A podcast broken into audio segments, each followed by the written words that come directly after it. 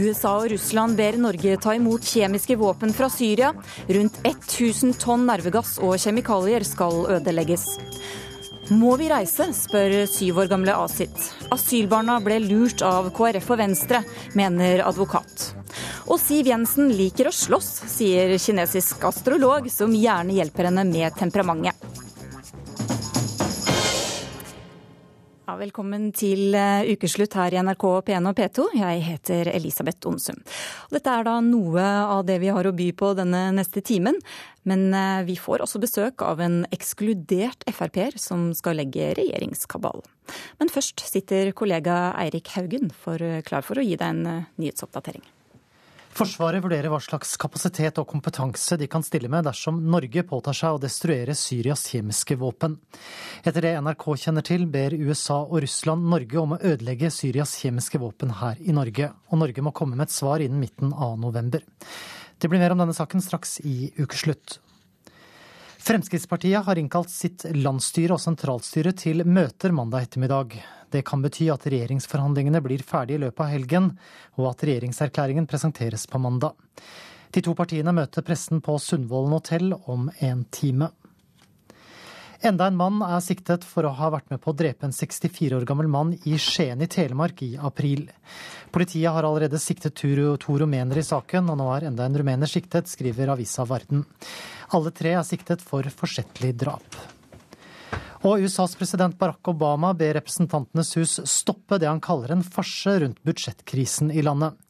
Nesten 100 000 offentlige ansatte har nå vært permittert i fem dager, og den amerikanske presidenten ber politikerne avslutte budsjettkrisen omgående. Og det var en nyhetsoversikt. It is really hard to express in words the human suffering that they lay out before us. As a father, I can't get the image out of my head of a man who held up his dead child, wailing while chaos swirled around him. The images of entire families dead in their beds without a drop of blood or even a visible wound. Bodies contorting in spasms. Human suffering that we can never ignore or forget.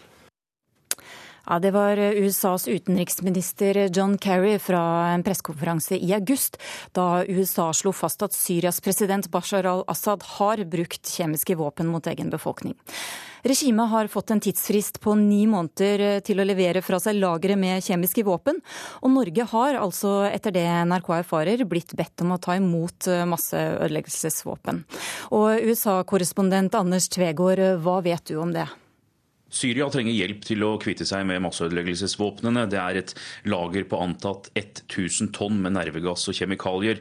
Landet er i konflikt. De har en stram tidsfrist på ni måneder. Mye kan destrueres der, men noen kjemikalier eller grunnsubstanser kan også fraktes ut av Syria. Norge har fått en konkret forespørsel om å ta imot dette, og den har kommet flere ganger muntlig, både fra Russland og USA, først under FN-toppmøtet i New York for drøyt to uker siden. Hva slags mengder er det snakk om at eh, Norge skal ta imot? I dag så er det ikke klart akkurat hvor mye eller hva slags industriavfall som skal ut av landet. Men inspektørene de kom til Syria denne uka, og dette kommer til å gå raskt eh, framover. I midten av november så skal OPCW lage en slagplan, og må også vite hvilke land som kan stille opp eh, med hva for å avvæpne Syria. Så der har også da Norge en, en tidsfrist. Du sier at vi har fått forespørselen flere ganger. Hvor sikker kan du være på at disse opplysningene stemmer? Dette er et bilde som har dannet seg etter å ha snakket med kilder og observatører i, i, flere land. og Etter det vi kjenner til, så vurderer Norge nå hvordan eh, landet kan bidra. Det er flere spørsmål som melder seg, alt fra hvordan transporten skal skje, til hvordan destrueringen skal gjøres, konsekvenser for eh, lokalsamfunnet som kan få dette i fanget. Dette er eh, trolig en avgjørelse som dyttes over til den neste regjeringen, men vi har altså et inntrykk av at vurderingen er godt i gang i Oslo, og også innhentingen av konsekvensanalyser fra utenlandske fagmiljøer. Både amerikanere og russere ivrer etter eh, norsk hjelp. Hvorfor blir Norge bedt om å ta imot disse våpnene? Landet ses på som politisk stabilt. Dette er avfall som ikke må komme på avveie. Og I tillegg så er det mye vann i Norge, noe som trengs for å nøytralisere gassene. Utfordringen er at dette ikke er gjort i Norge tidligere, og at det heller ikke er noe utstyr på plass. USA og Russland har ekspertise, og USA har også nylig ferdigstilt mobile anlegg som kan fraktes til utlandet. Um, for det vil ta um, lengre tid å bygge en fabrikk om det skulle bli aktuelt, enn tidsfristen syrerne har på seg. Til slutt, har vi noe reelt valg dersom både Russland og USA eh, har bedt oss om å ta imot og destruere kjemiske våpen? Ja, men det kan bli omstridt, og det er opplagt et press og en sterk anmodning når den kommer fra både Washington og Moskva. FNs sikkerhetsråd står bak, og Norge har tradisjon for å bidra når det ligger en FN-resolusjon i grunn. En generell forespørsel er sendt ut fra FN og eh, OPCW om alt fra penger til eksperter. Men USA og Russland har altså konkretisert dette mer i samtaler, og skulle Norge si ja, så vil det være en bonus i hatten internasjonalt, og kanskje også en inngangsbillett til Det hvite hus for en kommende statsminister. Takk skal du ha. Kommunikasjonssjef i UD, Ragnhild Imeslund. Imerslund. Kan du bekrefte at Norge har eh, blitt spurt om å ta imot kjemiske våpen for å ødelegge dem? Det jeg kan bekrefte, og som vi også har gjort tidligere, er at Norge vil se på hvordan vi kan bidra i å sørge for at vedtaket i FN, sikkerhetsråd og OPCW blir gjennomført. Hva et sånt norsk bidrag eventuelt skal bestå av, det eh, har vi nå en dialog om med flere medlemsland.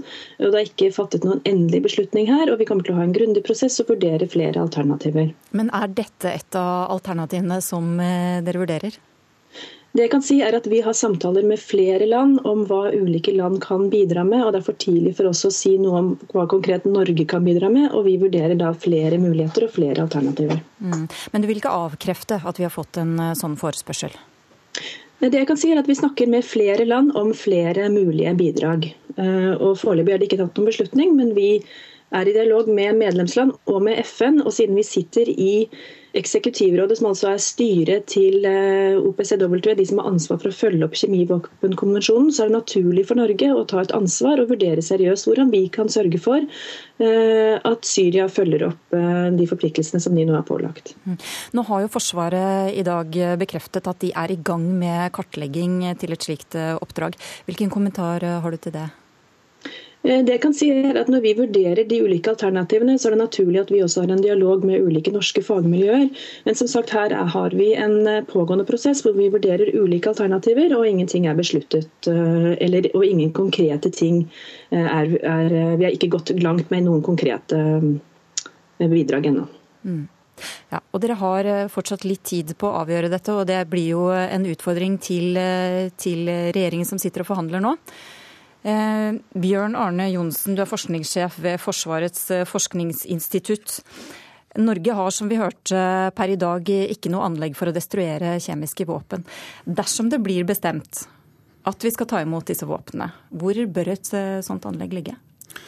Det viktigste er jo at det legges på en plass hvor, hvor det er gode sikkerhetsavstander til der folk og dyr oppholder seg. Det andre viktige elementet er at det bør sannsynligvis gå, kommer vel disse til å gå sjøveien, og at det er en havn, slik at eh, man unngår for lang transport. Eh, at det er kort vei til eh, der man bygger opp et destruksjonsanlegg. Og den tredje er jo at mest sannsynlig så vil det bli en destruksjonsprosess som benytter seg av vann, og at det er god tilgang på vann. Det er vel de tre viktige elementene. Hvor langt unna folk og bebyggelse bør et slikt anlegg ligge? Ja, det bør i hvert fall være en god sikkerhetsavstand til der folk oppholder seg, på ca. en kilometer. Men eh, man bør også se på området Én kilometer? En kilometer minst. Men, eh, men, eh, det er litt avhengig av at man også har god kunnskap om de meteorologiske forhold på stedet. Slik at det helst er stabile vindforhold, vindretninger. Slik at for i vindretningen så bør det nok være opptil ti kilometers sikkerhetsavstand. Hvorfor er det viktig? Jo, fordi hvis det skulle mot formodning skje et utslipp, så, eh, så vil jo denne gassen drive med, med vinden og eh, fortynnes gradvis, og, og, da er det godt å ha gode sikkerhetsmarginer. Ja, hva skjer hvis man puster inn eh, disse gassene? Ja, Nervegassen er jo, som du sier, den angriper sentralnervesystemet og er, er, en dødelig gass. Men det er jo primært i nedslagsfeltet og i området der det slippes ut at den er, er dødelig, og at den er stridsmidlene er jo primært for å ta liv og, og skade mennesker, og det er primært i, i nedslagsfeltet. Men hvis vindforholdet er gunstige, så vil det også kunne drive visst, en viss avstand og utsette folk som er i denne, i denne vindretningen for, for, fare. Og det er dødelig utgang, avhengig av mengden du får i deg, selvfølgelig. Mm. Hvorfor eh, var hensikten med å frakte disse våpnene hele veien til Norge, f.eks., som det kan være snakk om da? Og ikke, ikke ødelegge de i Syria, f.eks.? Ja, det er jo avhengig av situasjonen slik den er i Syria. At man føler at det ikke er trygt å gå inn og prøve å bygge opp noe anlegg der. At man, man vil ha de ut av Syria for at eh, ja, for å trygge de eh, fra enten det er noen regjeringsstyrken eller opprørerne som, som har det. Så, eh, så, det er vel eh, for å, fordi at man ser det som en mulighet å, å kunne gjøre det under trygge forhold i, i Syria. Og, ja. ja. Takk skal du ha. Vi skal til eh, Sundvolden, for der er du reporter Bjørn Bø. Ja. Og der er også Erna Solberg og Siv Jensen, som fortsatt sitter i forhandlinger. Har de gitt noen kommentar til denne nyheten om at Norge har blitt spurt om å ta imot våpen fra Syria? Nei, det har de ikke. Erna Solberg har ikke ønsket å kommentere dette så langt. Det skal være en pressekonferanse her på Sundvolden om en times tid. Men vi har i Dagsnytt hørt Høyres Ine Eriksen Søreide si at den nye regjeringa må vurdere heilskapen nøye når den får fullt oversyn, som det heter. Så eh, det er nok merksemd rundt denne saka, ja. Mm. Det får vi tro. Men eh, da får vi eh, smøre oss med tålmodighet og, og høre hva som kommer videre utover i nyhetssendingene om det. Men um, hva er det å si om forhandlingene? Um, det har kommet små drypp hver dag. Har du fått med deg noe i dag? Eh, det har ikke kommet noe nytt, det er det formelle stuttesvaret. Men det er spaning knytt til om en nærmer seg slutten, og om forhandlerne vil fortelle mer om det i dag. Det er varsla helgefri i tingingene tingene i morgen. Det har vært varsla nye forhandlingsmøter mandag. Men så har både Høyre og Fremskrittspartiet lagt opp til møte i sine partiorgan mandag ettermiddag, og det må vel være et tegn på at partiledelsene da kan ha regjeringsplattform å presentere for sine egne, og så etter hvert for oss alle, kanskje. Mm. Og det er jo vi selvfølgelig veldig spente på, og vi skal straks uh, spekulere litt i det sammen med et par gjester her, men først Lissi.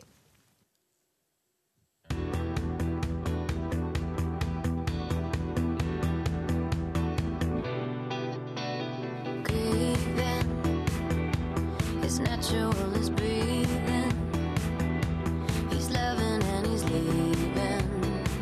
Watch him go, let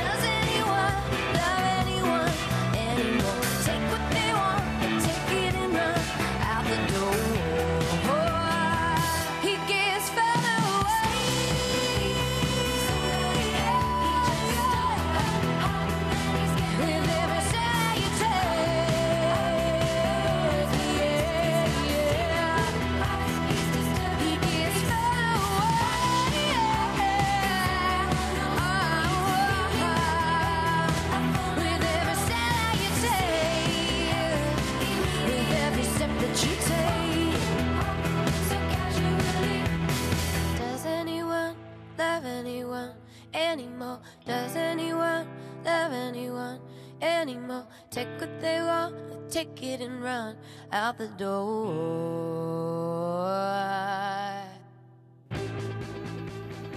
Det var Lizzie med 'Further Away'. Mens Siv Jensen spiser kirsebær på Sundvolden hotell med den kommende statsministeren, må en del av de gamle urokråkene i eh, partiet Frp nøye seg med å betrakte det hele fra sidelinjen. Hei. Hei. Ja, stig på. Ja, fikk du, fikk du kaffe? Carl I. Hagen er akkurat kommet tilbake på kontoret på Oslo rådhus etter en hard treningsøkt for Skal vi danse på TV 2. Nå holder jeg på å trene inn til jive, som er, på, som er, er i kveld. Eh, og tidligere har jeg danset eh, vals, eh, samba og paso dobbel. Så dette er den fjerde. Nå sitter eh, Siv og de andre og driver med regjeringsforhandlinger på Sundvolden, og du sitter her. Hvordan føles det? Det føles helt greit ut. Jeg, gikk av som formann i 2006 og gikk ut av Stortinget i 2009. Så det er andre som styrer, og det har jeg vent meg til etter hvert. Selv om jeg kan ha mine meninger om forskjellige politiske spørsmål, så er det veldig, veldig fint. Jeg er stolt over at det partiet jeg har vært med på å bygge opp, nå er i regjeringsforhandlinger. Men skulle du gjerne ha vært med? Jeg skulle gjerne vært med og gjort tingene annerledes i 1989 og i 2001. Men eh, nei, nå har jeg sett i øynene at dette er, det er en tid for alt. Og jeg er en, jeg er en hva min kone kaller avdanket politiker. Hvilket departement må Siv Jensen sikre for Frp, da? Finansdepartementet må Siv Jensen få selv. Det syns jeg er det aller viktigste. Ellers, da? Hvem bør sitte hvor? Jeg kommer ikke til å si noe som helst om navn. Vil du ikke det? Det er noen, det er noen navn som gir seg selv, er det ikke det? Ja, Det som gir seg selv, er, og der er jeg enig med avisene, det er fire i Fremskrittspartiet som er selvskrevne statsråder. og Det er Siv Jensen, det er Per Sandberg, det er Ketil Solvik-Olsen og det er Anders Anundsen. Hvis da Frp skal oppføre seg som de andre partiene, og både prøve å finne kvinner og å finne folk fra de ulike distriktene, får man da, er det en vanskelig kabal? Jeg syns man skal finne de dyktigste personer. Samme hvor de kommer fra, og samme om de er kvinne eller mann? Jeg vil ha de dyktigste personer på de rette departementer. Håper du på en telefon fra Siv? Nei, det tar jeg ser som helt urealistisk. Jo, men altså, Du har jo drømt om å bli statsminister en gang. Hadde ikke det der å sitte som statsråd virkelig vært krona på verket for deg? Det er helt urealistisk. Og det at jeg har hatt ønskedrømmer Alle går jo rundt med dagdrømmer dagdrømmerier. Det er noe vi alle driver med. Det skulle vært artig å gjøre sånn og sånn. Det er i den sammenheng jeg har satt dagdrøm om hva jeg ville ha gjort hvis jeg hadde vært statsminister. Men det er bare en dagdrøm. Håper du på å få en telefon fra Siv? Et ekskludert Frp-medlem har vel små muligheter, vil jeg tro. Ekskludert, men fortsatt engasjert. Følger nøye med hva som skjer i partiet. Jeg er veldig glad for at de er kommet dit, at man endelig aksepterer. Tidligere Frp-er Jan Simonsen synes det er uklokt å plassere Siv Jensen i finansministerstolen. Ja, Hun bør ikke bli finansminister. Kristin Halvorsen tok på seg den posten, og de gikk, hun gjorde sikkert en god jobb, men det gikk dårlig med SV. Bare å ha partilederen i en sånn uh, utsatt posisjon tror jeg ikke er noe klokt. Jeg kunne ønske meg Siv Jensen som utenriksminister. Hvis du kunne velge, hvilken post ville du hatt da? Nei, Jeg drev jo i mange år med justispolitikk, og det er en viktig sektor. Den justisministeren? Det måtte vært det, ja. Ja, VG-kommentator Lisbeth Skarsbø Moen. Vi hører at verken Carl I. Hagen eller Jan Simonsen forventer noen telefon fra Erna Solberg. Men hvem i Frp bør sørge for å ha fulladde batterier på mobilen? Jeg tror nok alle de som Carl I. Hagen her nevnte, altså Anundsen, Solvik-Olsen, Sandberg og selvfølgelig Jensen, da, er ganske sjølskrevne. Men det er nok flere navn også. Liv Røsland er et navn som har kommet inn nå på slutten. Interessant. Hun er finansbyrådet i Bergen. Kan være aktuell, sånn jeg forstår det. Og også så har vi jo Solveig Horne, Kari Kjøns Kjos. Og det er også et annet litt uh, ubeskrevet blad i liksom riksmedia, som er uh, Helge Thorheim, som er ordfører på Karmøy for Frp. Også en interessant og ungt uh, talent. Og så kan vi få Morten Høglund, kanskje, hvis det blir to ministre i Utenriksdepartementet. Det er ennå litt uklart, så vidt jeg vet. Og Sylvi Listhaug, som vi kjenner fra Oslo-politikken, er nok også med på denne lista her, men kanskje ikke helt oppe. Hvilket departement i så fall havner hun i? Listhaug? Nei, det kan man jo tenke seg. Man kan tenke seg barne og familie, men der er jo også eh, Linda Hofstad Helleland eh, et, eh, et hett kort i kabalen som, som, Høyre gjerne vil ha inn, da. Mm. Er det, noe, er noe wildcards her? jeg tror Erna Solberg har såpass mye erfaring at hun vet at det er viktig å ikke eksperimentere for mye. Og det i seg sjøl å ta med Frp i regjering er vel et eksperiment. Så... Ja, Si litt om utfordringene til Erna Solberg med denne konstellasjonen. Eh, nei, altså det er klart at Frp er jo et parti som har lang erfaring med styring nå rundt omkring i landet. Det er jo ikke et så stort eksperiment som det var for under Carl. Hagens tid, selvfølgelig ikke. Men det er likevel et parti som ikke har sittet i regjering før. Og selv om man har eh, lang erfaring med styring i, i, på fylkesplan og, og lokalt, så, og, så, er det jo selvfølgelig utfordrende å bli statsråd. Det er en helt annen både lederjobb og en helt annen offentlig rolle. Eh, sånn at det er klart at det her her eh, er det jo viktig at de statsråd som kommer inn, er tunge personer og gode ledere alle sammen. Så det er nok viktig i vurderinga til Erna Solberg at det skal være statsråder som hun kan ha full tillit til, selvfølgelig. Og det er jo hun som har, har uh, siste ord. Det er også Siv Jensen innforstått med at selv om det skal være personer som kanskje hun kunne ønske seg, så vil det være Erna Solberg som får det siste ord når det gjelder hvem som skal være statsrådet. Fordi Erna Solberg er statsministeren, og det er statsministeren som tar den telefonen. Mm. Vidar Kleppe, du eh, var jo nestformann i Fremskrittspartiet for en del år siden. Eh, det var før du ble ekskludert. Hvordan er det for deg å se at eh, Frp nå kommer i posisjon etter 40 år i opposisjon? Jo, jeg, jeg syns det er kjempeherlig og kjempespennende. Så jeg ønsker dem jo all lykke til. Men det blir ikke Du skulle vel gjerne vært med, kanskje? Eh, nei, jeg har det godt i Demokratene, jeg, vet du. Og sett både i fylkestinget i Vest-Agder og styrer bypolitikken i Kristiansand, så jeg har ingenting å klage på. Mm. Ok, Men hvem, hvem, tror du får eh, ministerposter? Ja, det er to ting som er helt sikkert når det gjelder Fremskrittspartiet. Det er at Siv Jensen og Ketil Solvik-Olsen går i regjering. Eh, også den andre tingen det er at Olav Thon ikke blir statsråd. Mm. Eh, men Fremskrittspartiet har jo blitt lik, mer lik de andre partiene nå etter hvert. Så jeg tror at Siv Jensen får en kjempeutfordring. På hvilken måte har de blitt det, da? Jo, de har jo tilpassa seg. og jo, Det er jo kanskje derfor òg de har kommet nå i, så langt at de er kommet i regjering etter 40 år. Sånn at når Siv Jensen og Frp sier at vi skal ha de dyktigste folkene, ja, så er jeg enig med det. Men allikevel må hun se på, på, på kjønn, og må se på distrikter. Mm. Og det er klart det at kvinnekabalen eh, i Fremskrittspartiet her blir, blir ikke lett. Eh, når du òg har sterke mannlige kandidater fra de samme distriktene, så kan du ikke velge begge. Eksempelvis så eh, blir det jo spennende hvis Ketil Solvik-Olsen kommer i regjering, noe han helt sikkert gjør. Han er fra Rogaland.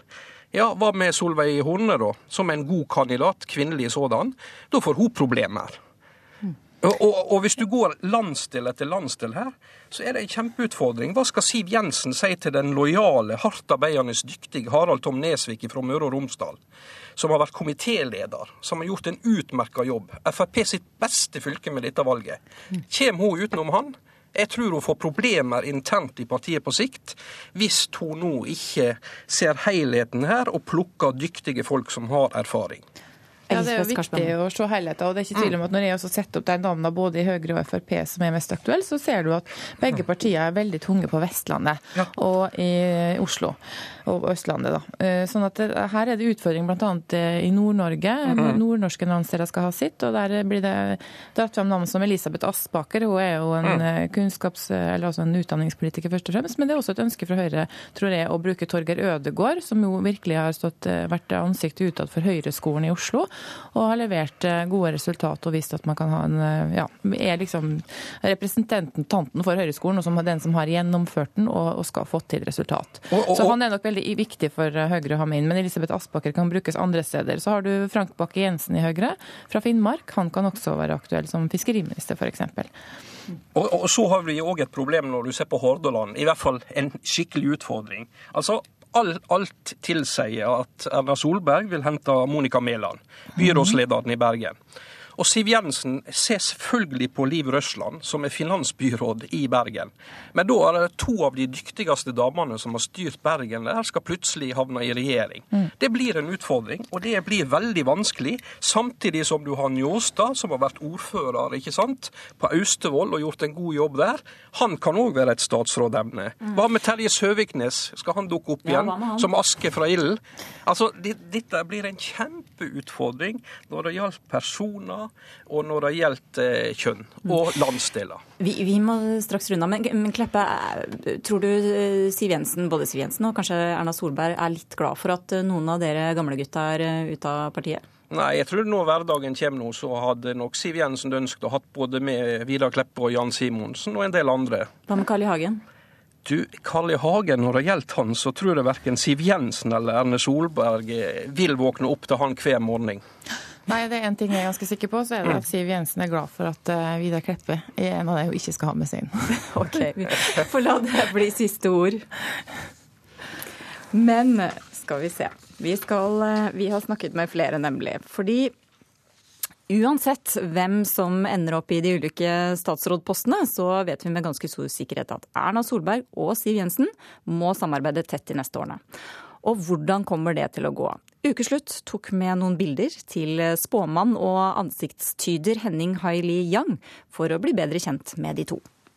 Du ser jo da hvem dette er. Altså, ja. Hvis vi skal begynne med Erna Solberg, mm. bildet av henne. Ja. Um, så lurer jeg på om du kan ut ifra den informasjonen, altså dette ansiktet og, ja. og, og fødselsdatoen hennes Hun ja. er jo da eh, født i februar 1961. Mm. Hva kan du si om eh, livskurven til eh, Erna Solberg? Hun er faktisk i en oppadgående livskurve. Altså, hun er da født i vannmannens tegn. Og ikke minst i det kinesiske systemet så er hun faktisk født i oksens år. Og hva betyr det? Og, og jeg er også selv okse. okse er eh, en, en, stor ledertype.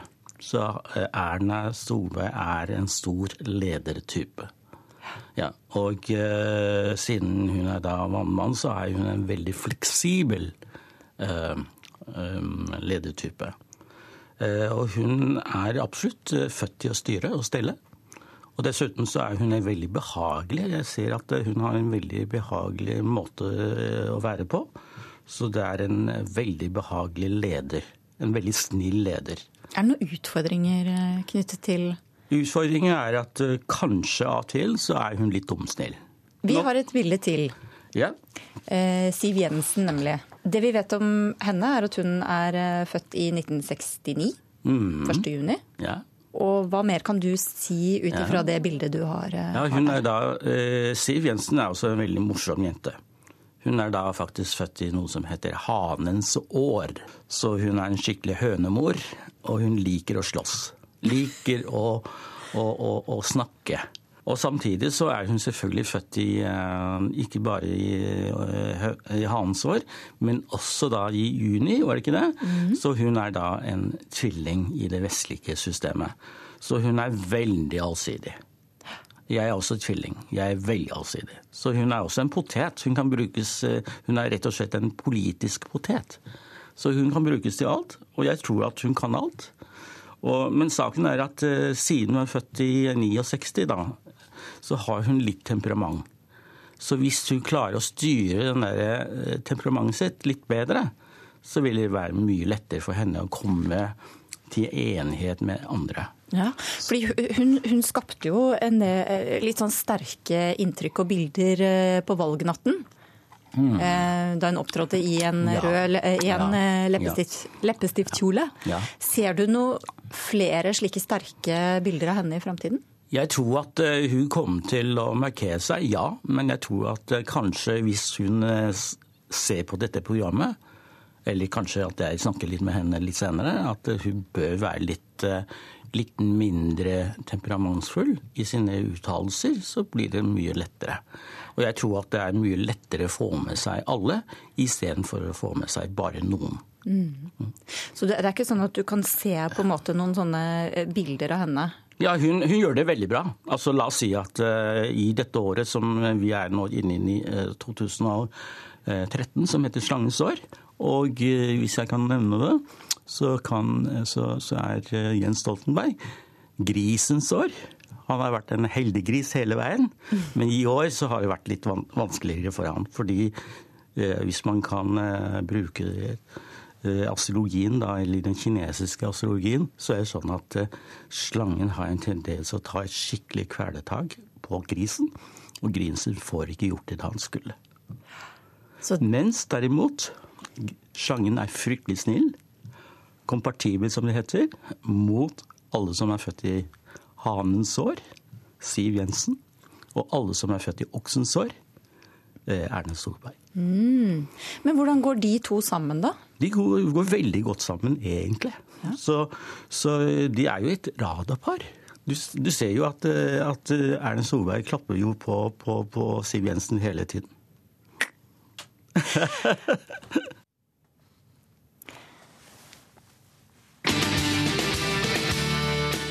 våre, gode, våre gode kolleger i P3 feirer 20-årsjubileum denne uka. Her er den første norske låta som ble spilt på kanalen i 1993.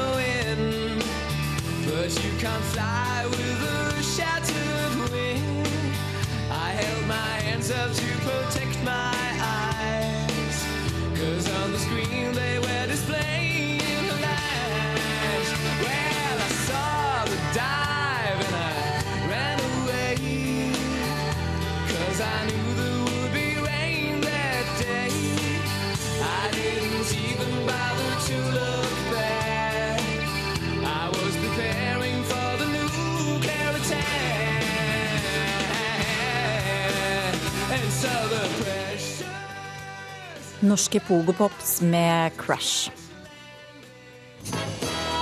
Du hører på Ukeslutt i NRK P1 og P2. Fortsett med det og hør at det ble full forvirring etter at KrF proklamerte amnesti for asylbarna. Ukeslutts reporter har besøkt noen av dem det gjelder. Og lykkepresset stopper ikke ved kreft, oppdaget terapiblogger Lene Vikander, som har ett råd. Tenk kritisk, gi faen. Lever du etter det, så går det fint.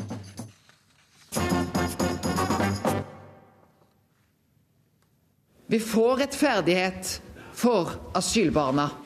Ja, Så ser man at dette er i realiteten ikke noe amnesti, i hvert fall ikke for veldig mange. Det SV har prøvd på i åtte år, har vi greid på 14 dager. Og det er feil. Nei. Fordi at eh, Jo, det er det. Så mener jeg vi har funnet en god løsning, som ikke er et generelt amnesti til alle uten unntak. Det er både en amnestiløsning, men det er òg en løsning som eh, vil sikre de som kommer til Norge inn i framtida. Nei, og vi har aldri vært for et amnesti. Nei, Vi bruker ikke ordet amnesti. Det er, det er, helt reelt i forhold til de innrammingene som ligger her, at det er en engangsløsning. Eh, da sier vi at de, den engangsløsningen Eller engangsløsning, hva man nå enn kaller det. Det som er, det er en todelt løsning. Det. Og jeg jeg angrer på de ordene jeg brukte. Ja, KrFs leder Knut Arild Hareide har sagt unnskyld til SV og beklaget at han tok munnen for full i vandrehallen i Stortinget på mandag. For begeistringen ble stor da KrF-lederen proklamerte amnesti for asylbarna, som viste seg å ikke være noe amnesti likevel. Ukeslutt's reporter Eivind Våge har besøkt noen av dem det egentlig dreier seg om. Sju år gamle Asit vil bli i Norge. Fordi det er veldig bra her, og det er ikke noe krig her. Og mm, det er i hvert fall bra og stille her. I kjelleren til Lillestrøm kirke bor en familie to voksne og seks barn i kirkeasyl. Dette er tre av dem. Tre av 752 asylbarn i Norge. Hei, jeg heter Asit, og jeg er sju år. Hei, jeg heter Sultan, jeg er 17 år. Hei, jeg heter Sarina og jeg er 16 år. De kom til Norge i 2007 etter å ha flyktet fra hjemlandet Dagestan. Ja, her er det her hvor vi sover, så her er det kjøkken her. Rommet de bor i er like stort som en vanlig norsk stue. I et hjørne og langs den ene veggen ligger det madrasser. Sengeplass til åtte. Her er det hvor vi, eller gjester og folk sitter og så spiser her. Så der er det hvor eh, barna sover. Det er alt, egentlig.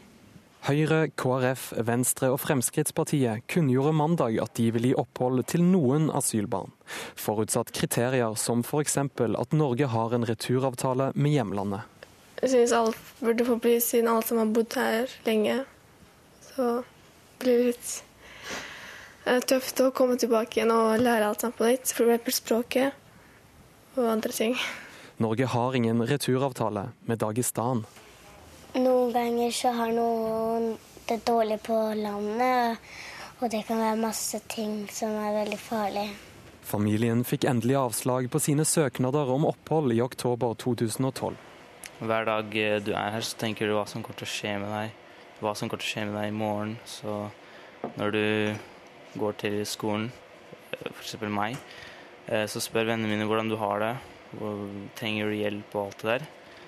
Ja, men det er ikke, det er ikke lett. Det er tøft. De har snart bodd et år i kirkeasyl. Hjemlandet Dagestan virker fjernt og langt borte. Jeg vil ikke bare tenke på det engang, fordi det er ingen som venter på meg der. Jeg har, ikke, jeg har ingen venner der, jeg kan ikke språket. Jeg kan ikke gå på skolen der engang. Så jeg blir ingenting der. I gymsalen på Misjonshuset i Namsos spiller to barn fotball. Sammen med mamma har de vært i kirkeasyl her siden januar i fjor. Jeg heter Priyanka og jeg er tolv år. Pirin Tusan, åtte. De kom til Norge i 2009. Og siden det ikke finnes en returavtale med hjemlandet Sri Lanka, oppfyller heller ikke de kriteriene til de borgerlige partiene om å få oppholdstillatelse i Norge. Jeg har fått med så mange venner at jeg ikke har lyst til å flytte fra dem. Å dra fra Namsos og Norge virker utenkelig. Fordi det er ikke trygt for oss å dra tilbake. Veldig vondt, egentlig. Veldig trist. Og jeg tror ikke jeg hadde klart å være der. I tillegg til gymsalen har heldigvis Misjonshuset både piano og et bordtennisbord. piano? Så er det egentlig veldig mange sofaer her. Det bruker å være søndagsskole her nede, og så bruker det å være kjelleren. Det er en aktivitet som bruker å være her. Så bruker vi å spille bordtennis. Det er ikke akkurat kjedelig her, men det er jo fint å bo i et vanlig hus òg. Er det vanskelig? Ja. Søsteren min klarer det. Det er hun som spiller den her nesten hele tida. Det blir mye spilling på iPad for Asiat i Lillestrøm kirke. Jeg taper hele tida. iPaden vant hun på en barneleir for en stund siden. Og med fem søsken i et lite rom kan det bli kamp om lekene. Ja, i hvert fall den som er fire år. Jeg og hun krangler hele tida. Hun tar tingene mine hele tida. De som bestemmer, politikerne, de har sagt at noen barn i Norge får lov til å bli. Mm. Mens andre barn må reise til det landet de kom fra. Må vi reise? Nei, det, det Noen. Det, du kan jo selv prøve å forklare dette til en 20-åring. Syns du det høres rart ut? Nei, men jeg syns det er litt uh, farlig for de andre. Jeg syns ikke det er noe gøy, jeg. Tall fra Utlendingsdirektoratet viser at av 752 asylbarn som har vært mer enn tre år i Norge, vil færre enn 170 få opphold av den kommende regjeringen. Ja, det er bra at noen får bli, men eh, det lille tallet der er altfor lite av 700. Så jeg vet ikke. Er det rettferdig da? Aina Heldal Bø, du er jurist og leder i Støtteforeningen for Natan og familien hans i Bergen. Hvordan reagerte du da du så pressekonferansen på mandag fra Stortinget? Jeg ble utrolig glad og veldig lettet på eh, barnas vegne når jeg så at Hareide sa at nå hadde de oppnådd rettferdighet for asylbarna. Tårene begynte å trille, og jeg tenkte på de som jeg kjenner, som lever i en veldig vanskelig situasjon, og selvfølgelig på, på alle de barna som jeg ikke kjenner, som er i samme situasjon. Men så? Men så leste jeg jo denne avtalen eh, og fikk sett eh, oversikten over eh, returavtalene. Og så jo ganske kjapt at her er jo det veldig mange begrensninger. Så sånn som denne saken ble fremstilt i utgangspunktet, det var nok en altfor gledelig nyhet i forhold til det som nå viser seg å være fakta. Følte du deg lurt? Ja, jeg gjorde jo det ut ifra sånn som det ble presentert. Eh, det tror jeg veldig mange følte at de rett og slett ble lurt. For rettferdighet for asylbarna det er ganske tunge ord. Og Hareide brukte jo på kvelden òg ordet amnesti, og overalt i media så sto det at nå var det amnesti for asylbarna. Så ut ifra det så ja, følte jeg meg lurt. Mm. Vi får ta med det for ordens skyld at Hareide har jo gått ut og beklaget akkurat eh, ordvalget, og eh, også overfor eh, SV og, og asylbarna. Men Abid Raja, du sitter på Stortinget for Venstre. Dere var jo med på å lage denne avtalen. Hva sier du til Aina Heldal Bø og de som trodde, på, trodde som henne? Altså aller først så vil jeg jo si at vi har unngått fra Venstre å bruke ord som amnesti, og at man har funnet en løsning for alle asylbarna. For jeg ser som jurist de begrensningene som ligger der. Eh, men det er ingen unnskyldning for det som eh, eventuelt har blitt skapt av et helhetsinntrykk. Mm. Eh, sett fra, sett jeg må bare mitt... si det, Raja. for På tirsdag så sa du til Dagsnytt at vi har fått til en avtale for asylbarna som har strandet i, i Norge. Ja. Hvilket håp eh, tror du at det gir til barn og Nei, andre som Jeg har vært både på NRK og TV 2 og forklart dette, at eh, vi i Venstre, vårt utgangspunkt har hele tiden vært, både under valgkampen og også i disse sonderingene, at vi i utgangspunktet ønsket at man skulle få en varig løsning for alle disse langtidsboende barna.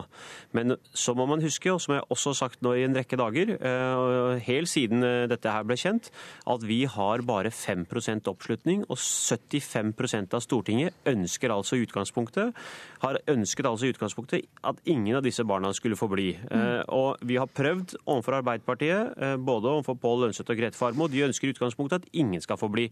Og det er klart, det er, jeg har både en følelse av eh, at man føler seg både skuffet og glad samtidig. For jeg er ekstremt skuffet på vegne av alle de barna som helst jeg skulle sett at ble, og som jeg vet at disse barna også har lyst til å bli her i Norge. Mm. Og så er jeg samtidig glad over at hvis det viser seg at vi får mellom 100 og 100, avhengig av hvilket tall som opererer med nå, men UDI gikk ut i dag mm. eh, og skrev 175 barn. Vi, vi kommer tilbake vi... til det, Raja, men, men beklager du det inntrykket som ble skapt? Så jeg, jeg mener altså Vi fra Venstre har virkelig forsøkt å, å holde de, eh, bruke de riktige ordene. Altså, vi har ikke kalt, som partilederen Trine Skei Grande var på TV og sa på NRK, på Dagsrevyen, at vi har ikke brukt ordet amnesti.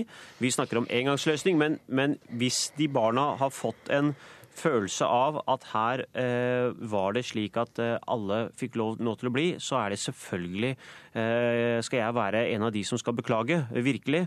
Og vi skulle ønske, sett fra mitt ståsted, fra Venstres ståsted, skulle vi gjerne ønske at vi fikk til mer, men dessverre, med våre 5% kom vi ikke lenger enn dette. Aina Heldal Bø. Ja, jeg eh, er helt enig med at vi skal være glad for de som får lov til å bli. Eh, nå var det siste tallet ja, 170, og så kommer jo det da en tredje begrensning her på foreldre og medvirkning til identitet. Så det endelige tallet det vet vi jo endog ikke. Ja, Det er UDI som går ut med dette ja. tallet i dag. Men antageligvis så gjelder det flere, færre enn 170, sier de også. Ja, men det jeg tenker med, som jeg har veldig lyst til å spørre om i forhold til denne avtalen, sånn som man framstår, eh, ord rettferdighet er jo blitt brukt. Jeg vil jo si at denne avtalen ikke framstår rettferdig, fordi at man har kriterier som går på hva land Norge har inngått returavtale med, og på hvilket tidspunkt Norge har inngått returavtale med. Og Jeg skulle gjerne visst litt mer om bakgrunnen for, eh, for de betingelsene. Nei, altså Jeg kan ikke gå inn på eh, Jeg har ikke sittet i konkrete sonderingene. Men det jeg kan si, altså jeg, jeg har selv tre småbarn. Jeg har jobbet som advokat tett opp mot flere som har fortjent å få være i Norge. Og vi fra Venstre, jeg kan ikke si det sterkere enn det, vi i utgangspunktet skulle ønske at alle 750 langtidssporende barn skulle få bli. Men realpolitisk har vår størrelse 5% på Stortinget. Vi har klart å allikevel få Frp med på at de skriver under på en avtale hvor potensielt 170 barn kan få lov til å bli. Det er 170 barn mer enn det Arbeiderpartiet ønsket skal få lov til å bli. Klarer man det, klarer vi å få til 100 barn, 50 barn, 170 barn, så vil jeg si at det antallet er seire i seg selv. Mm. Men Raja, vil du si at eh, dette var en stor seier, sånn som det ble proklamert på mandag? Altså dette, som jeg sier, Det er mulig både på vegne av Hvis det viser seg at det er 100 eller 170 barn som får lov til å bli, så kan man ikke sitte og gråte heller. Men samtidig så kan du sitte og gråte òg, fordi at du fikk ikke de 700. Så hvordan skal du feire eller skal du gråte? Det er ekstremt vanskelig blandet følelser. For vi i Venstre skulle gjerne sett at vi fikk de mer, men, men noen må prøve å forstå også at vet du hva, vi har hatt både Arbeiderpartiet og noen andre partier på borgerlig side som ikke helt har vært lett å ha med å gjøre, men vi har likevel fått til dette. Og vi har fått til mer med Frp enn man kunne ha fått til med Arbeiderpartiet. Og det, Jeg kan ikke unngå å kalle det for en seier. Og selvfølgelig er det en delseier, men det er også en delnederlag. Men hva tenker du om at du kan ha bidratt til å skape falske forhåpninger? Nei, Jeg beklager veldig hvis jeg har bidratt til å skape falske forhåpninger, men vi i Venstre vi har kjempet med den tyngden vi har hatt. Vi har ikke klart mer enn dette. Og hvis det i den seiersgleden etter at vi har fått til det vi klarte å få få til, har uttrykt noe feilaktig, eh, som at alle får noe bli etc., så, eh, så skal vi politikere legge oss flate og be om unnskyldning for det. Aina Heldal Bø, er dette godt nok? Jeg eh, tenker på disse barna, og at det er veldig viktig å innse at disse barna de er ikke brikker i et politisk spill, som jeg føler at de har vært i lang, lang tid. Nå eh, bør barna og barns rettigheter komme i fokus, og jeg mener det at det eneste riktige eh, å gjøre nå, er å stille sakene i bero og gi alle barna en ny vurdering. Og som vi ser nå etter denne avtalen, så faller barn som Jasmin, som har bodd lengst i Norge, elleve år, hun faller utenfor. Det viser at denne avtalen ikke ivaretar barnas rettigheter. Så jeg mener at man bør absolutt gå inn og se på å finne bedre løsninger for disse barna enn det avtalen i dag er. Takk skal dere ha, Abid Raja og Aina Heldal Bø. Flere artister har engasjert seg for asylbarna. Jonas Fjell er en av dem. Her er utdrag fra låta 'Tilbake'. Tilbake. De henter henne fra drømmen ei stille natt. Tilbake. Dommen er kommet, og nåden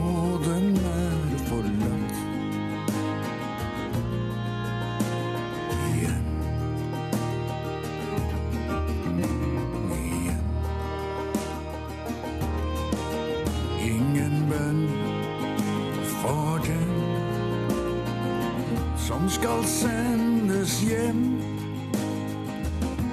Til ingen veit hvor, som krysser sitt spor bort fra lekende venner, fra barndommens venterom, fra det landet og livet hun kjenner, for å sone foreldrenes dom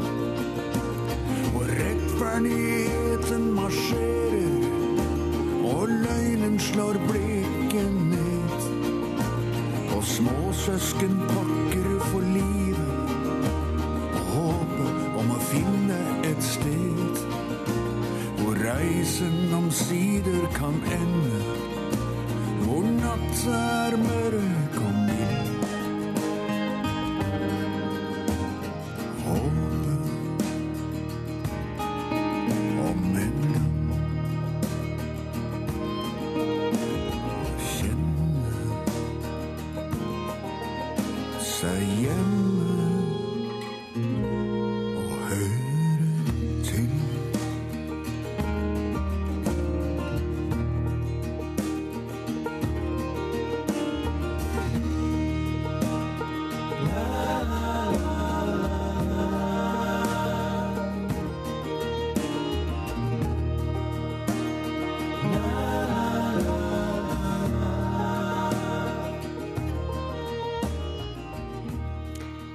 Jonas Fjell med 'Tilbake'.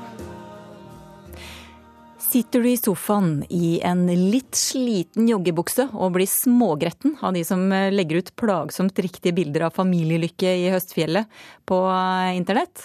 Eller nyforelskede rusleturer i Roma, eller bilder av vellykka vennegjenger som nettopp har gjennomført halvmaraton? Slapp av, det er ikke bare du som blir lett aggressiv av alt lykkemaset. Ukeslutts reporter Linn Beate Gabrielsen har møtt to populære damer som byr på livet bak fasaden. Jeg hadde vel aldri trodd at jeg skulle brøle så mye til barna. Jeg hadde bestemt meg for at jeg skulle forklare alt liksom pedagogisk, ikke sant. Og sånn er det med det. Slå opp i leksikon når det var noe ikke jeg visste. Sånn. Altså, det kan jeg bare si. Absolutt alt har blitt slått i grunnen. jeg hoppet inn i bilen til antisupermamma og de tre barna hennes. Da blir jeg så sint at nå må vi skjerpe oss. Kristine Stole Henningsen er mammaen som innrømmer at barna både er verdens beste og verste, som brøler når hun er sliten, og som glemmer ha-med-dagen i barnehagen. Til forskjell fra de fleste andre av oss deler hun villig vekk som antisupermamma på blogg og Facebook. Mammaen min er antisupermamma. Men så tenker jeg det at jeg vet at er, jeg er ikke alene om det, da. Det er det jeg er litt opptatt av å fortelle også at For det er jo veldig lett. Du går inn på Facebook, og så syns du alle har vært på Knutten, Knotten, Knerten før klokka ti om morgenen og Lykken finnes på vår jord,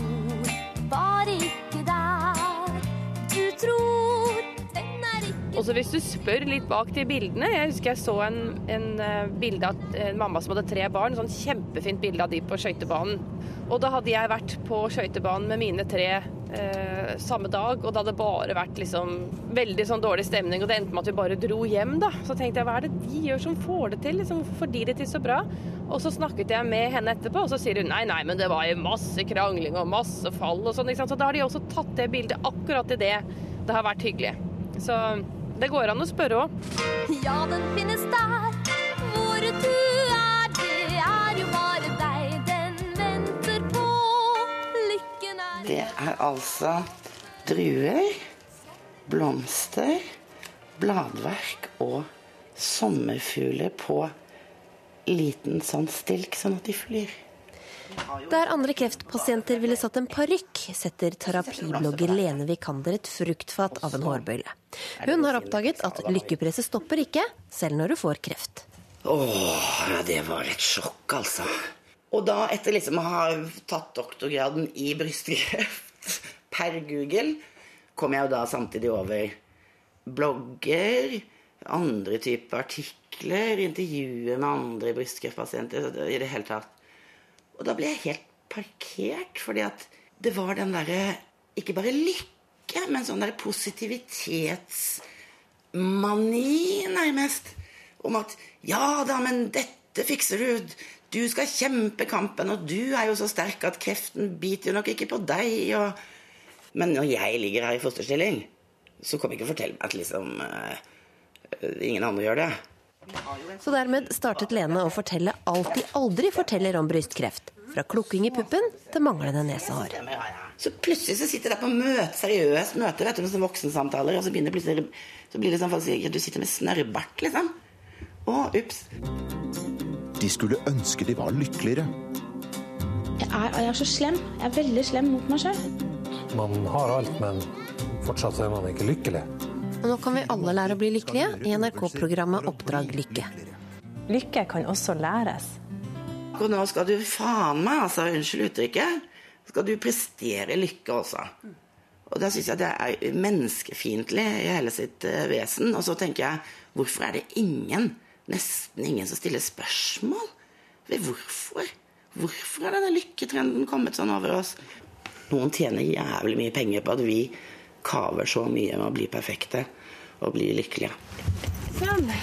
Nok en hverdagslig biltur er over. Er dere klare? Kom, da. Kjopp, kjopp.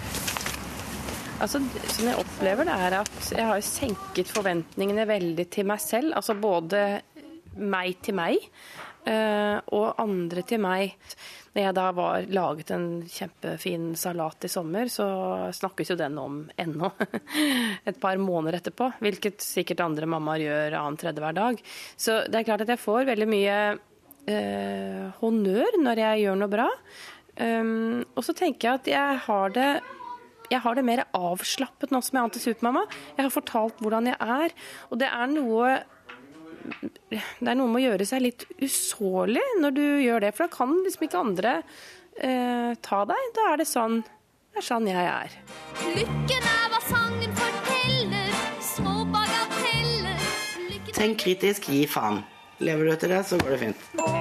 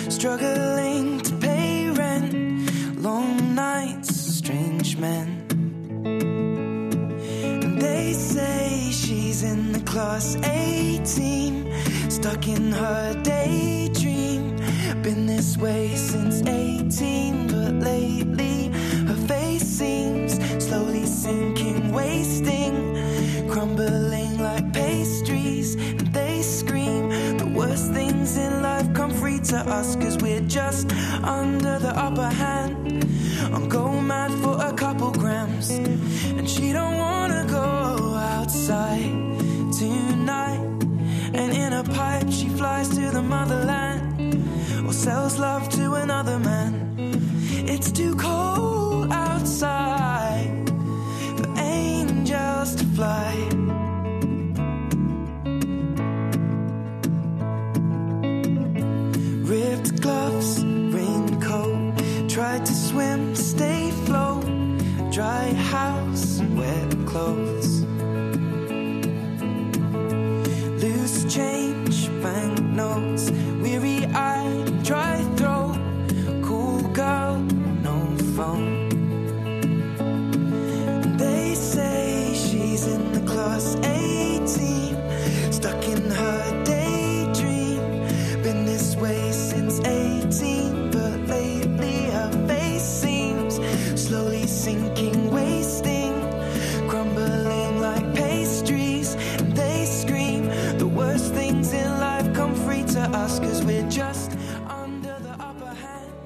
Ed Sheeran med The A-Team.